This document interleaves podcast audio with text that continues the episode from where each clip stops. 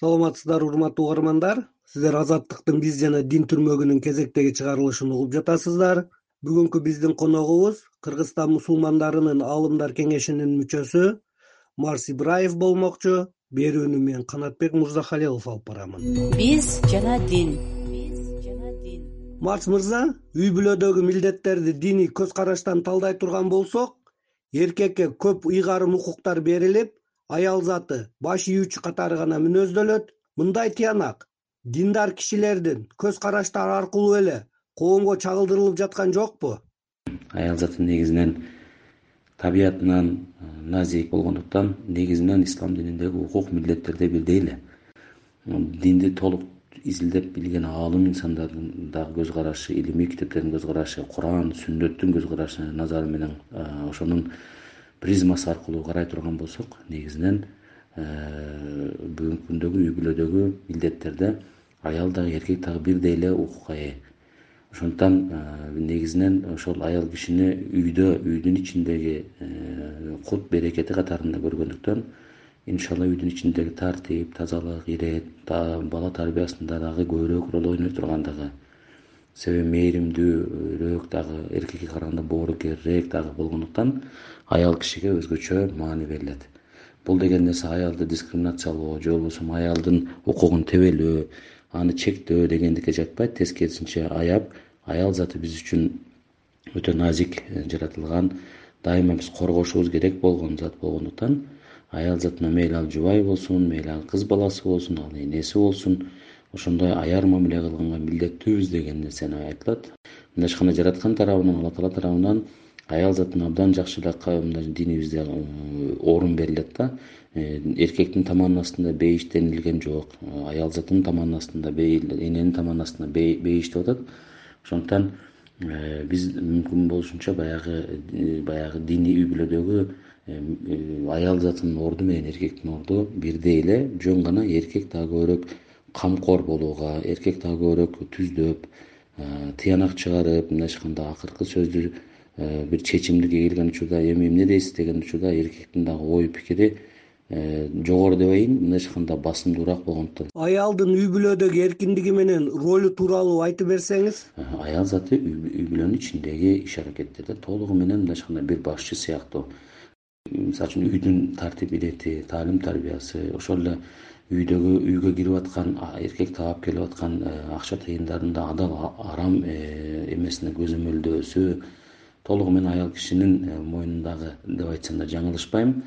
Бала төрөгөн болсо жада калса күйөөсүнө биздин ханафи мазхабтын негизинде жок мен бул баланы эмизгенге азыр дараметим жетпейт ден соолугум эме болбойт. Сен андан көрө башка бир эмени таап мындайча айтканда өстүргөнгө бир жалдап акча тыйын төлөп жалдап болсо дагы бактыр дегенге укугу бар экендигин айтабыз. Бирок бул деген нерсе а ушундай турбайбы? деп туруп бүгүнкү аял заты дагы э, кол шилтеп кете бере турган аялдардан эмес экендигин билем. Биздин элибиз биздин энелерибиз биздин аял затыбыз өзгөчө мусулман калкы өзгөчө кыргыз элинин. Ошондуктан ал жаатынан дагы бул эркиндик мындайча айтканда берилгендиги айтылып атат.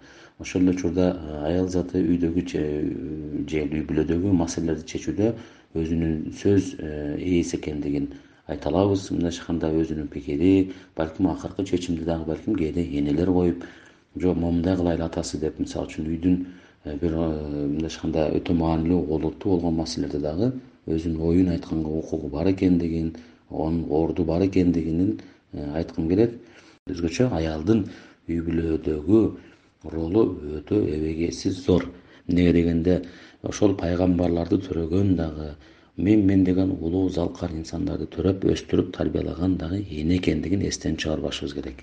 Биз жана дин. Биз жана дин. Аял чыдашы керек деген стереотип көз карашда коомдо калыптанып калган эмеспи? Үй бүлөдө зомбулукка кабылган аял өзүн коргоо үчүн кандай кадамдарга барыш керек? Кандай болгондо да сен унчукпашың керек чыдап жашашың керек үй бүлөдө эгерде күйөө сабап уруп кордоп аткан болсо дагы чыдап жашагын эми баягы турмуштан э, күйөөнүн санын көбөйткөндө эмне андан көрө сен чыдап жашашың керек деген сыяктуу нерселер жок эмес. Бар бул диндин буйругу эмес урматтуу э, угармандар урматтуу бир туугандар эркек өзүнүн чегинен ашып курандын пайгамбарыбыздын айткан сызып койгон сүннөт жолунан деги эле ислам дининин баалуулуктарына буйруктарына ылайык бир эркекке байланышкан э, милдет укуктарды толук аткарбай жаткан болсо аял киши керек болгон болсо өзүнүн баягы ажырашуу укугуна негизи бул укук эркекке берилет талак берүү укугу анда ажырашуу укугуна дагы ээ экендигин айткым келет. Мындайча айтканда э, бир казыга барып же болбосо ошол диний биримеге барып туруп э, мен ушул күйөөм менен жашай албайм себеби менин укуктарымды абдан тебелеп зордук зомбулукка абдан чоң жол ачып атат андан көрө ажыратып бериңиз дегенге укугу бар экендигин динибиз тааныбайт бул нерсени динде бар.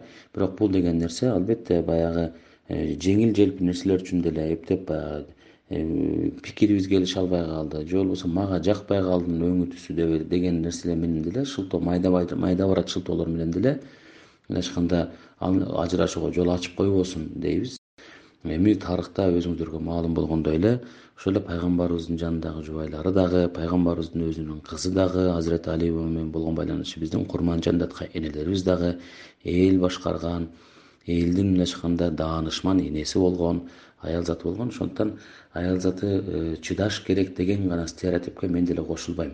Э, ар бир нерсенин өзүнүн чеги болот албетте. Адам баласын эч бир адам эч бир адам бул башка бир адамды дагы кордоп уруп сабап же болбосо кыйнаганга укугу болбогондой эле эркек дагы аялды кол көтөрүп урганга акысы жок кордогонго. Антип деле пайгамбарыбыз аялдарыңарга жакшы мамиле кылгыла деп эркектерге катуу буйруйт аял затында Э, кордоочу же болбосо сен эмне болсо да чыдашың керек деген сыяктуу бирдемелерди калтырып аны эптеп э, үй бүлөдө ушул өмүрүн өткөрсүн деген нерсеге э, албетте ислам дини дагы буйруган эмес ал дагы адамдын өзүнүн укук эркиндигин тандоо бир эркиндигин берген. Ошондуктан бул жерде биз бүгүнкү күндөгү кыргыз коомчулугунда дагы өзүбүздүн мамлекетте дагы үй бүлө проблемаларында ошо көп нерсе укук милдеттерибизди толук билбегенден болуп атат.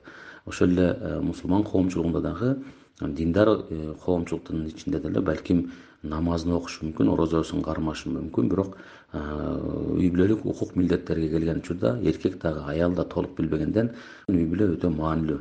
Үй бүлө институтун сактап калуу бул бир баягы алла таалам куранда айткандай өзгөчө мындай сүйүү жана боорукердик мээримдүүлүктүн негизинде негизделгендиктен биз бири бирибизге ошондой мамиле кылганга милдеттүүбүз. Учурда өзүңүз негиздөөчүлөрдүн катарында турган адеп башаты диний уюму тарабынан баардыгы үй бүлөдөн башталат деген эки айлык акция өткөрүлүүдө бул иш чаранын маани маңызы менен кыргыз коомуна тийгизүүчү тарбиялык мааниси тууралуу айта кетсеңиз атайын долбоорлордун үстүндө иштеп атабыз. Акыркы учурларда буга чейин пайгамбарыбызды тааныйлы деген долбоор болду. Э, эки айлык үч айлык долбоордо абдан жакшы пайгамбарыбызды таанытууга мүмкүнчүлүктөр болду. Ар кандай семинарлар жолугушуулар сабактар ар кандай роликтерди тартуу менен аракет кылдык. Мына ошол азыр дагы декабрь январь айында баардыгы үй бүлөдөн башталат деген үч айлык эки айлык мындайча айтканда эки айлык э, долбоор башталып э, ошол уланып атат анын дагы э, негизги максатыбыз бүгүнкү күндө кыргыз коомчулугунда кыргыз мамлекетинде эки миң он тогузунчу жылдын статистикасында отуз сегиз миңден ашуун үй бүлө баш кошкон болсо анын сегиз миңден ашууну мен божомолдоп айтып атам сегиз миңден ашууну статистикалык маалымат боюнча ажырашууга дуушар болуптур бул деген нерсе үй бүлө деген институт бүгүнкү күндө алсырап баратат.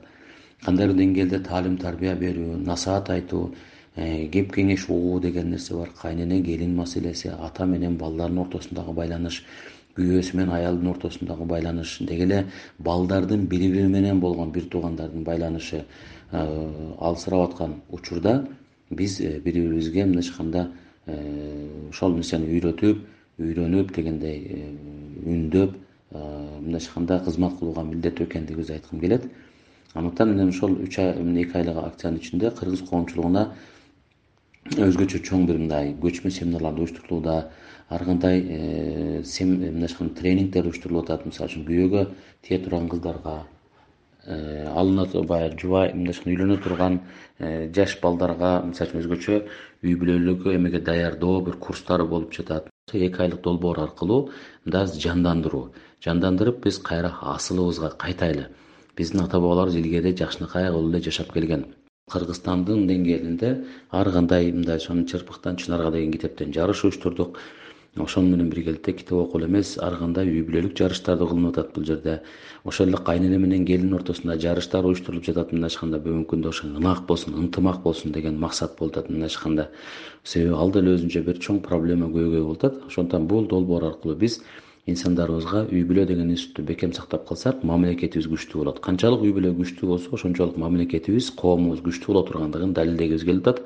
Долбоор аркылуу дагы биз аз да болсо мындай ар кандай видео роликтерди социалдык тармактарда активдүү ошондой жазылган макалаларды чыгарып э, сунуу деген биздин негизги ошол планыбызда турат. Биз жана дин биз жана дин. Урматтуу угармандар сиздер азаттыктын биз жана дин түрмөгүнүн кезектеги чыгарылышын уктуңуздар биздин суроолорго кыргызстан мусулмандарынын аалымдар кеңешинин мүчөсү марс ибраев жооп берди. Берүүнү мен канатбек мырзахалилов алып бардым. Саламатта калыңыздар